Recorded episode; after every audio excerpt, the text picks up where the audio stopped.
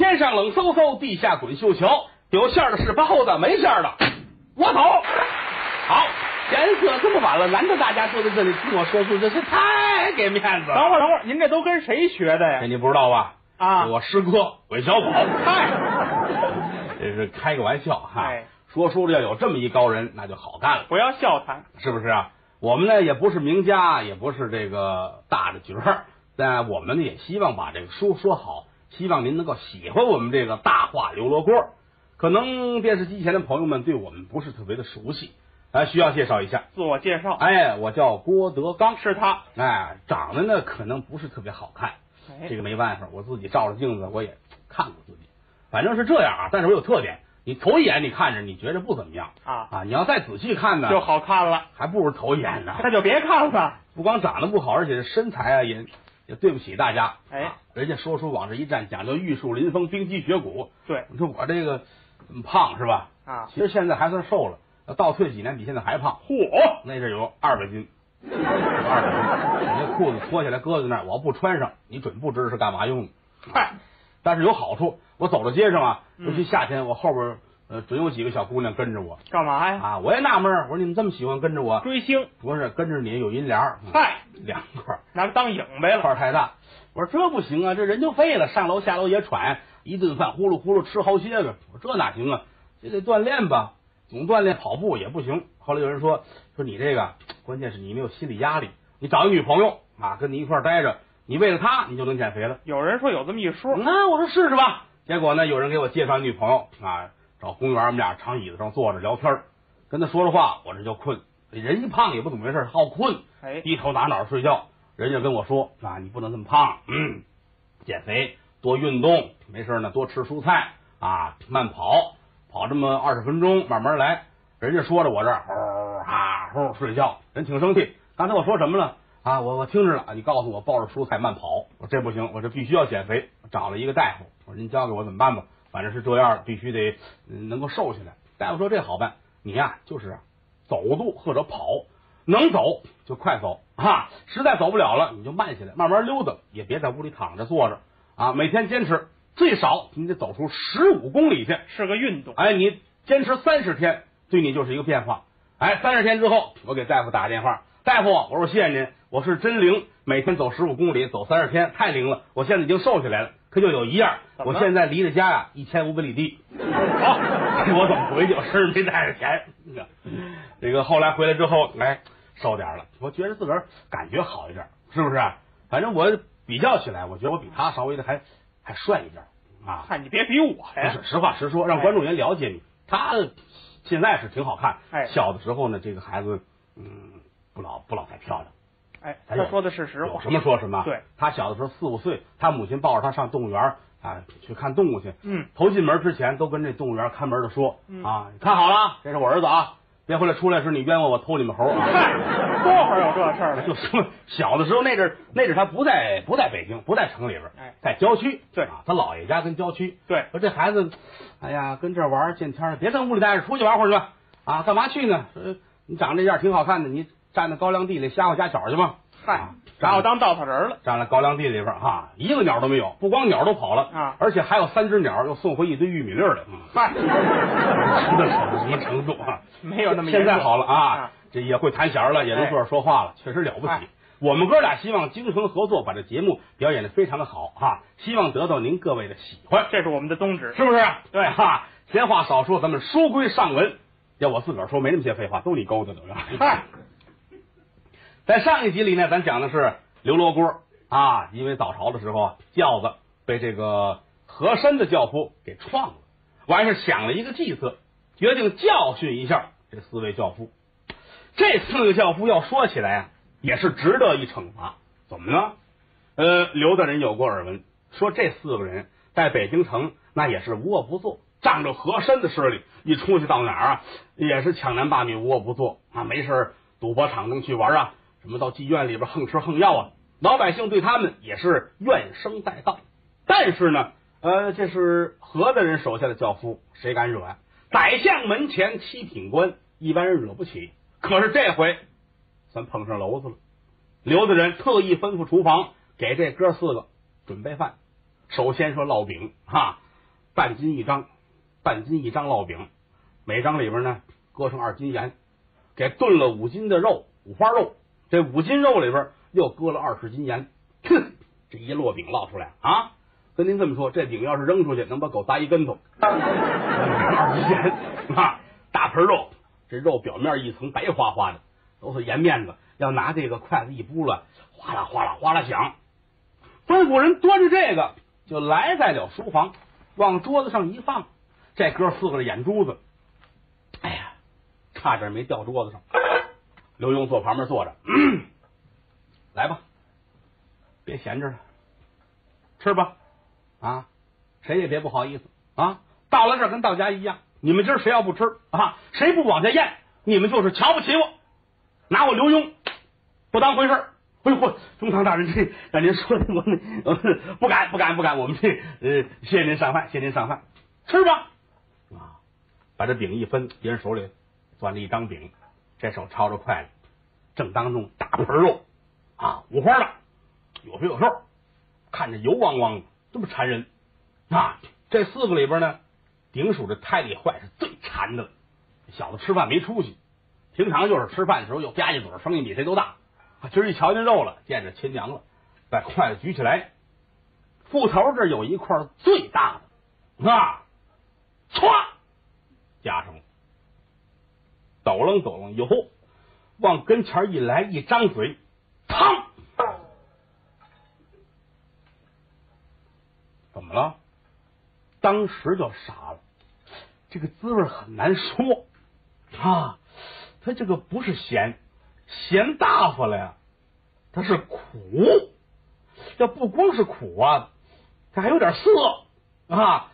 好比说，就是一个生的柿子，大柿子生的，拿盐呢把它腌了，啊，就是这个滋味，搁在嘴里，嗯，旁边这三位呀，还直埋怨他，没个人样，你上这儿吃饭来。又咱们哥四个，谁抢谁的啊？瞎子，你瞧瞧你，嘴里叼着这块肉啊，他都舍不得咽，那是舍不得咽吗？那个他咽不下去呀。跟前啊，刘墉还给他垫砖呢，怎么样啊？够咸吗？别客气，到我这儿来跟到家一样啊，吃。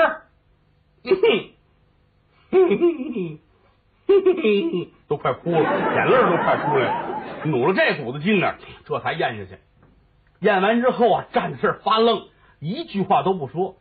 旁边那小子呢，叫一包能，心说：“哎呀，还撑着你这平时咱们一块总出去什么下个饭馆吃个东西，没见过什么炖肉，你就这样。同着中堂大人稳当当，不能着急是吗？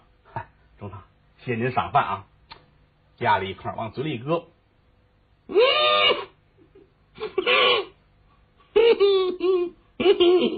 拿手一指，胎里坏，胎里坏，啊啊，那意思啊，我刚才就这样，嗯哼哼，愣往下咽，跟咽药似的，到嗓子眼这儿，拿手往下拨了，哎呀呵，哎呀呵，刘墉看了看，哦，我明白了。不怪你们二位哈，炖肉啊淡了，怨我们这厨子他这个掌握不好。呃，刘顺啊，刘顺在旁边伺候着，中堂去拿那酱油碟去，一人给来酱油碗，让他们站着吃。站。这四个里边有两位吃了肉了，那两位还没吃肉啊。吃肉这俩眼珠子差点出来啊，还蘸酱油呢。那两位按调大师。不服不行，刘中堂想的周到啊！太好了，等着吧，一会儿功夫酱油来了，小碟儿啊，真正黄酱里边出来的油啊，倒好了之后，这两位谢中堂，谢中堂，这两位啊，拿过筷子来，一根筷子扎一块肉，噗，夹起来之后，这可是两块肉，就跟有定身法似的。当时就定在这儿。了，刘大人乐了，别客气，小伙子啊，来往下吃，咱们有的是。想吐不敢。同着刘中堂，你要吐了，这是有罪。嗯哼哼哼，俩人你看我，我看你，哼哼，啪啪自个儿抽嘴巴，愣往下撸。哎，使了这个吃奶的劲，才把这两块肉算是摁下去了。哎呀，当然把这个东西，那手稍微的口重了点哎呀，你们小哥四个糊涂啊！你们可没闹明白，你说是饭就菜呀，是菜就饭呢？哎，四人一琢磨，大人说的有道理啊！我们这是光吃肉了啊，人家挑眼了。刘墉乐了，我跟你们说呀，光吃肉啊，没个不咸的。谁家吃饭他不得有主食吗？有饼干嘛不吃啊？拿饼卷着肉吃啊！哥四个一来，这答对了这个。哎，肉是咸，拿饼卷着吃，他不就折过来了吗？哎，把饼摊开了。从盆里往外摘肉，夸夸夸一卷，一人大卷子，张嘴吭嚓一口，嗯，更咸了。不吃可不行。刘兄坐着看着，吃啊，吃啊，师傅还有啊，还给你们烙着饼呢。这四个心说：我们要了亲命了，还不如打一顿好呢。那也得吃啊，吭哧吭哧吭哧吭哧，一人吃了一张饼，卷了这么七八块肉。吃完坐在这，这四个跟狗似的，你看，呼的啊。刘墉挺高兴，嗯，这个你们哥四个是没拿我当外人呐。好啊，本中堂觉着非常的高兴。从今往后，我这个府里，你们几个人要常来常往。来的时候，千千万万别跟何府吃东西。我这儿炖肉烙饼，管够。得了，不是了。哥四个心说好嘛，回去我们都长上翅膀，成燕子虎子了啊！那可不成，大人，我们我们谢谢您，我们您说吧，您说咱们今儿。上上哪儿吧？我们 赶紧派人去。哎，那着什么急？今天的差事啊，是下午的事儿啊。离着那会儿啊，咱们还有会的功夫。我说何顺啊，喊了声顺，打外边进来了。顺，哎哎，那什么事儿？这个，把你那弦子拿来啊。上午有会功夫，我跟他们四个聊得很投机，我准备跟他们一块儿唱会儿小曲儿。哥四个一听怎么着，还唱小曲儿呢？我们这嗓子眼儿都是冒了烟了。我大人，我们不会啊，知道你们不会，要会还说什么呀？我教给教给你们啊！我说是啊，把弦子定好了，来，咱们呢唱几句。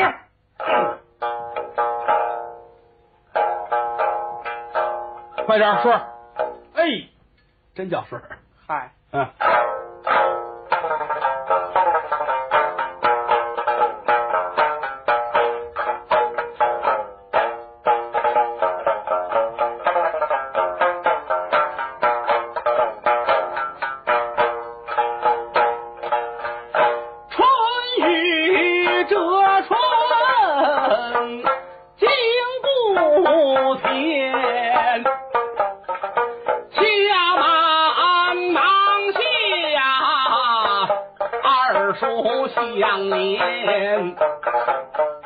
清寒霜降，冬雪雪冬小大寒，春夏这个秋冬分为四季，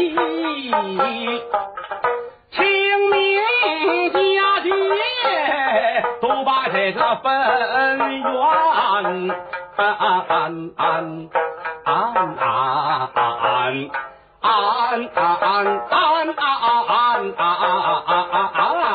安安好好，还有自个儿给自个儿叫好的啊！就是我唱的好，得告诉大伙一声。哎，不是我唱的好，是刘墉唱的好。哈，刘大人唱完了还挺高兴。来吧，你们哥四个跟着我这弦儿啊，一块唱。哥四个都傻了，我们俩会热闹着。呃，大人，我们这个没小我，不要紧的，没小我不要紧的，跟着我来啊！春雨折春，金谷天，来，你头一个，你来唱，给他唱。来，大人，我我试试。嗯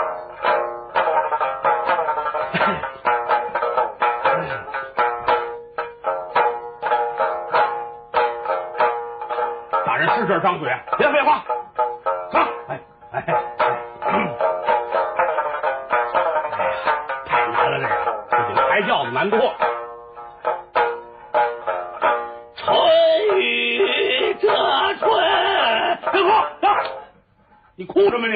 大人，我这没哭，我这唱，这唱啊，怎么唱跟哭一个味儿？大人，我跟您说，我真唱不了，我不是那材料。我再一个，我跟您说，我这个我小不了。我他行，他行。到这会儿，瞧出这哥四个来了啊，都往后退。这这他行，他叫一包能，他唱这个一门灵。大人，您听他的。哦，好，来，一包能唱两句。一包能差点没跪下。大人，您我还不如他呢，我这嗓子不灵。别废话，今儿要不唱，谁也走不了。给他弹。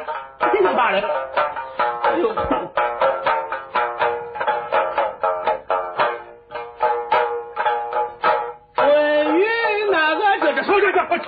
胡唱你这是啊？头一句是这调吗？春雨折春，唱这个春雨。老爷，我这我原籍是山西人，一听这个，我把这我们老家这戏勾起来，我真唱不了这个。哎，我说你们这四个人怎么怎么这样呢？啊，合的人琴棋书画什么都会，弹琴唱个曲儿都会，你们四个没跟着学。大人，我们正跟着抬轿子来着，谁学这个了？我们真唱不了。再一个，我跟您说，刚才吃您那炖烙饼啊，吃的有点齁的啊，真渴了。哦，你要这么说，我明白了，渴不要紧呢啊。怎么着？我说顺儿啊，去给他们沏壶茶去。哎，是老爷，放下弦子，转身出去了。出去口出去，半天没进来，怎么呢？忒了解老爷了，这没吩咐，不知这茶里边搁什么，不敢端过来。哎，等了有这么三五分钟的功夫，刘大人挺着急，这不像话呀！啊，嗯，这四个人都渴着呢，啊，不给弄水哪成啊？我瞧瞧去。转身来这，刘顺，怎么回事啊？这茶怎么还没沏上？老爷您别亏心了，我不等您了吗？您说这茶怎么办？这你傻呀？这沏茶搁盐吗？哎呀，沏茶哪能搁盐呢？啊，那就对了，那该搁盐就搁盐吧，搁盐搁盐，搁多少？搁多少？你就一个杯里边给来两大勺子就行。哦，拿咱们这调羹，嗯，拿你那炒菜那马勺，来那来两勺。老爷，这搁里边和弄完了，这这就可成团粉了。不要紧的，他们都渴着呢。啊，四杯茶，拿小盘托着，来到这屋，过来，过来，过来，过来。呃，给你们沏茶来了。喝完之后，跟我好好的唱。是，是啊，谢老爷上茶。端起来这茶，咕咚咕咚咕咚咕咚，头几口真没喝出来。怎么呢？太渴了，也干得慌，叫渴，到嗓子眼就下去了。赶等最后这口含在嘴里边，哥四个谁咽不下去？对着这样哼，谁也咽不下去。刘墉还问了：“来呀，往下咽呢？往下咽不？哎呀，可咽下去了，干嘛不喝呀？是不是嫌我这茶太咸了？老爷跟您回，您这茶是一点儿都不咸，那干嘛你们不好喝啊？嘿嘿，齁死了！感谢您的收听，去运用商店下载 Patreon 运用城市，在首页搜索海量有声书，或点击下方链接听更多小说等内容。